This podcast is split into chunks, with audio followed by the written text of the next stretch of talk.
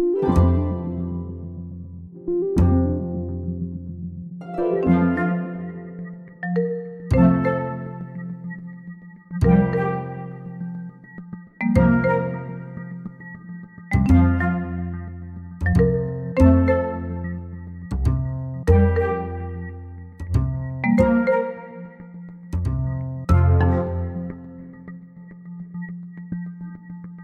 lyssnar på Försäkringssnack, en podd av Svensk Försäkring.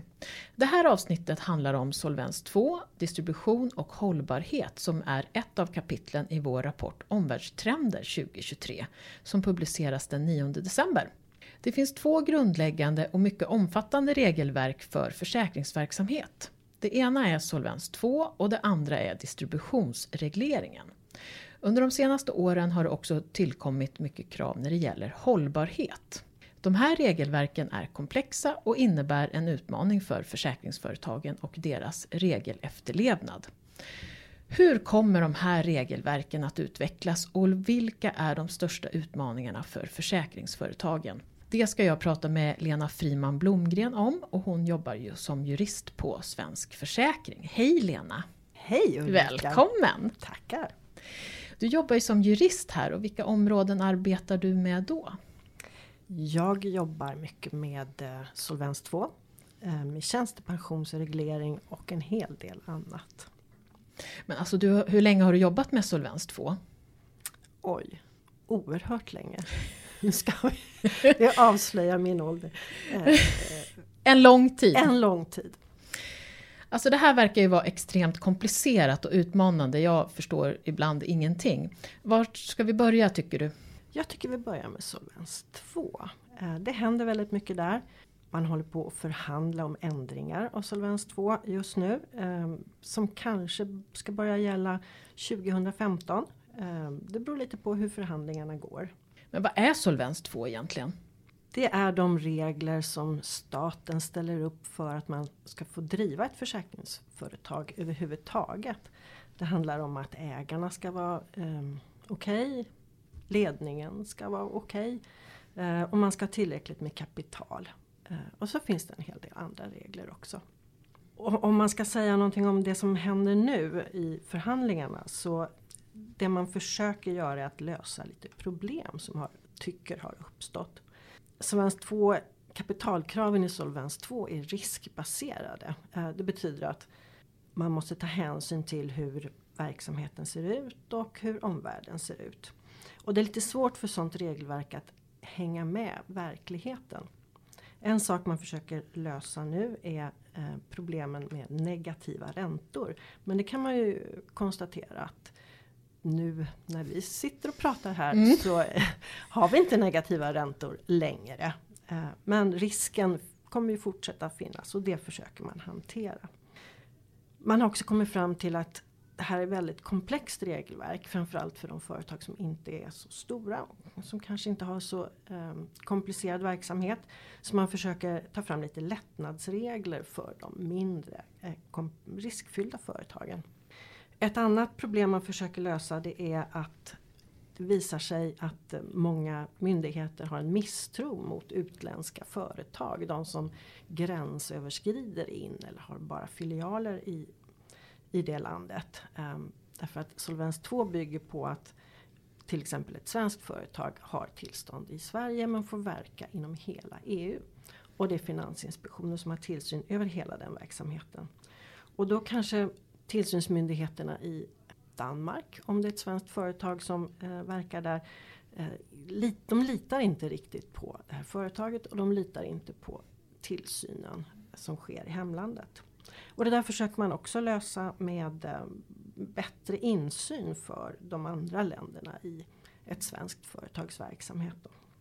Sen är ett område som man eh, föreslår väldigt mycket ändringar på. Det är det som på Solvens 2-språk kallas för försäkringsgrupper. Eller Jaha. man kan tänka sig stora koncerner. Och där har det, tycker vissa då, uppstått lite för mycket tolkningsmöjligheter i reglerna.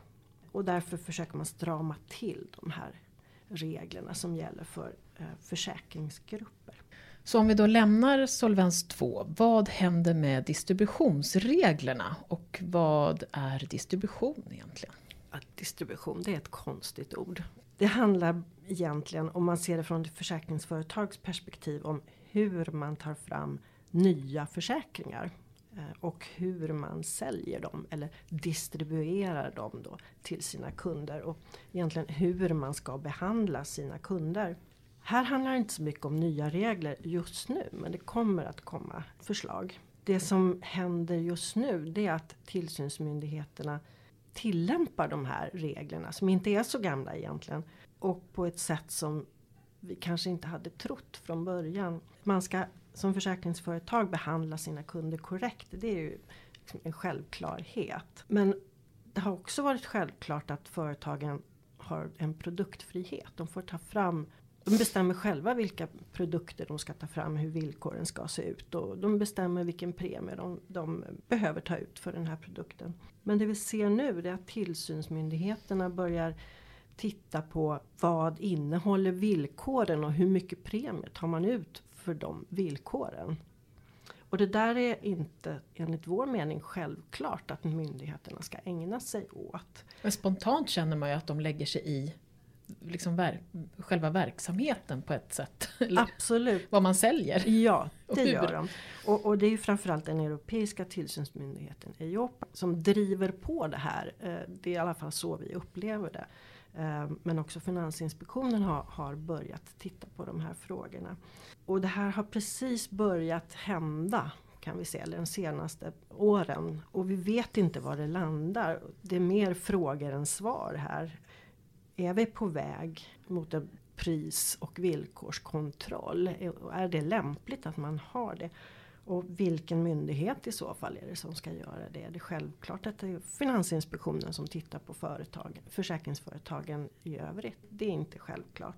Här får vi lite se hur, hur tillsynsmyndigheterna driver bolagen framför sig här.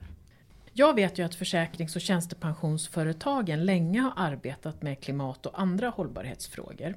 Och hur märks det i reglering då? Ja som du säger, det är många som har arbetat hårt med att bidra till en hållbar utveckling.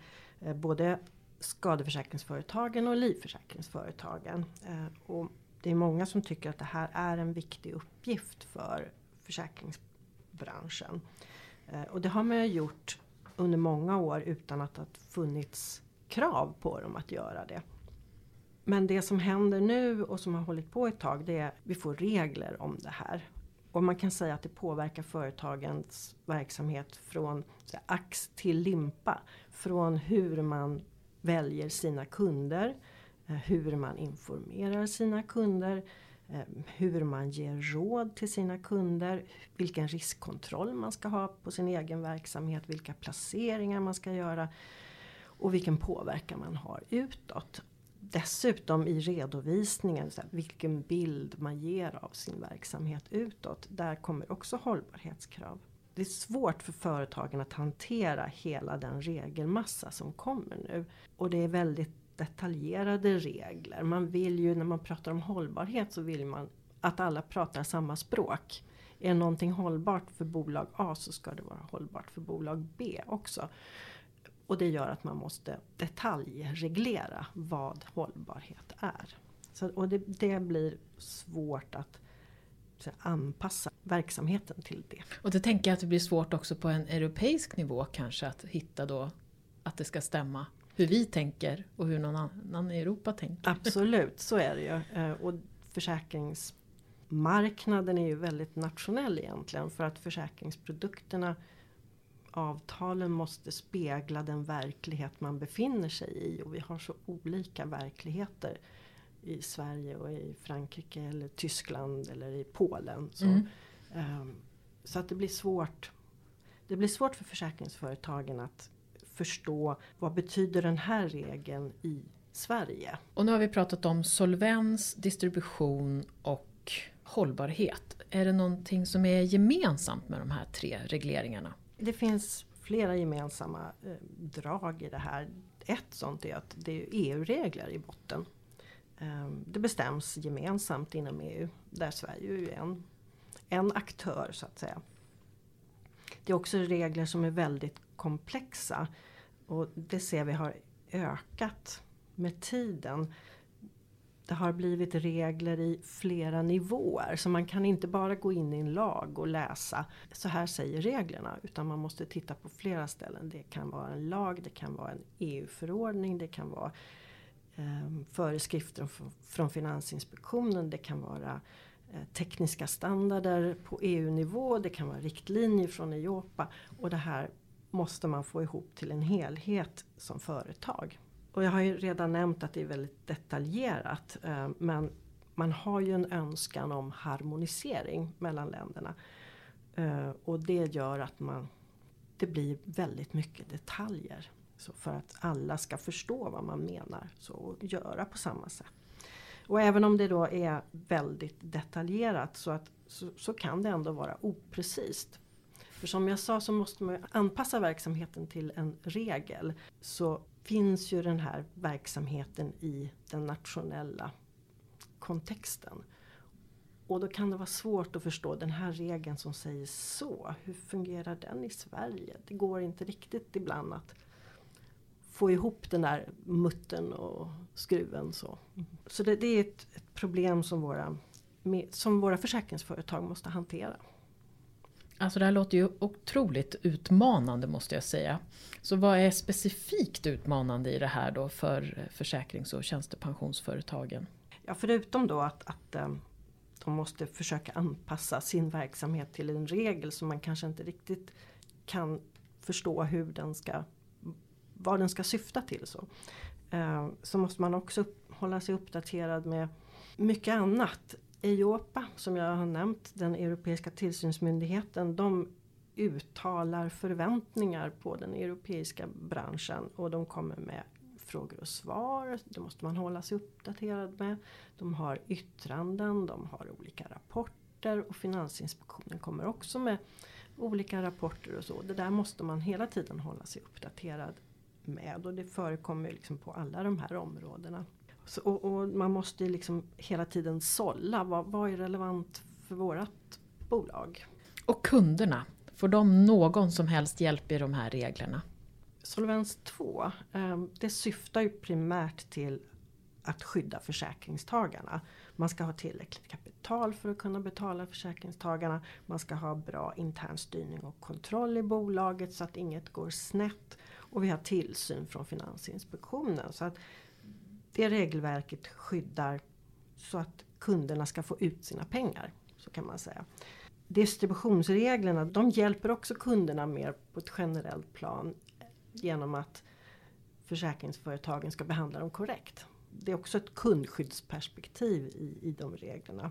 När det gäller hållbarhet, där ska företagen eh, försöka guida sina kunder för att de ska kunna hjälpa till att få en hållbar utveckling i samhället.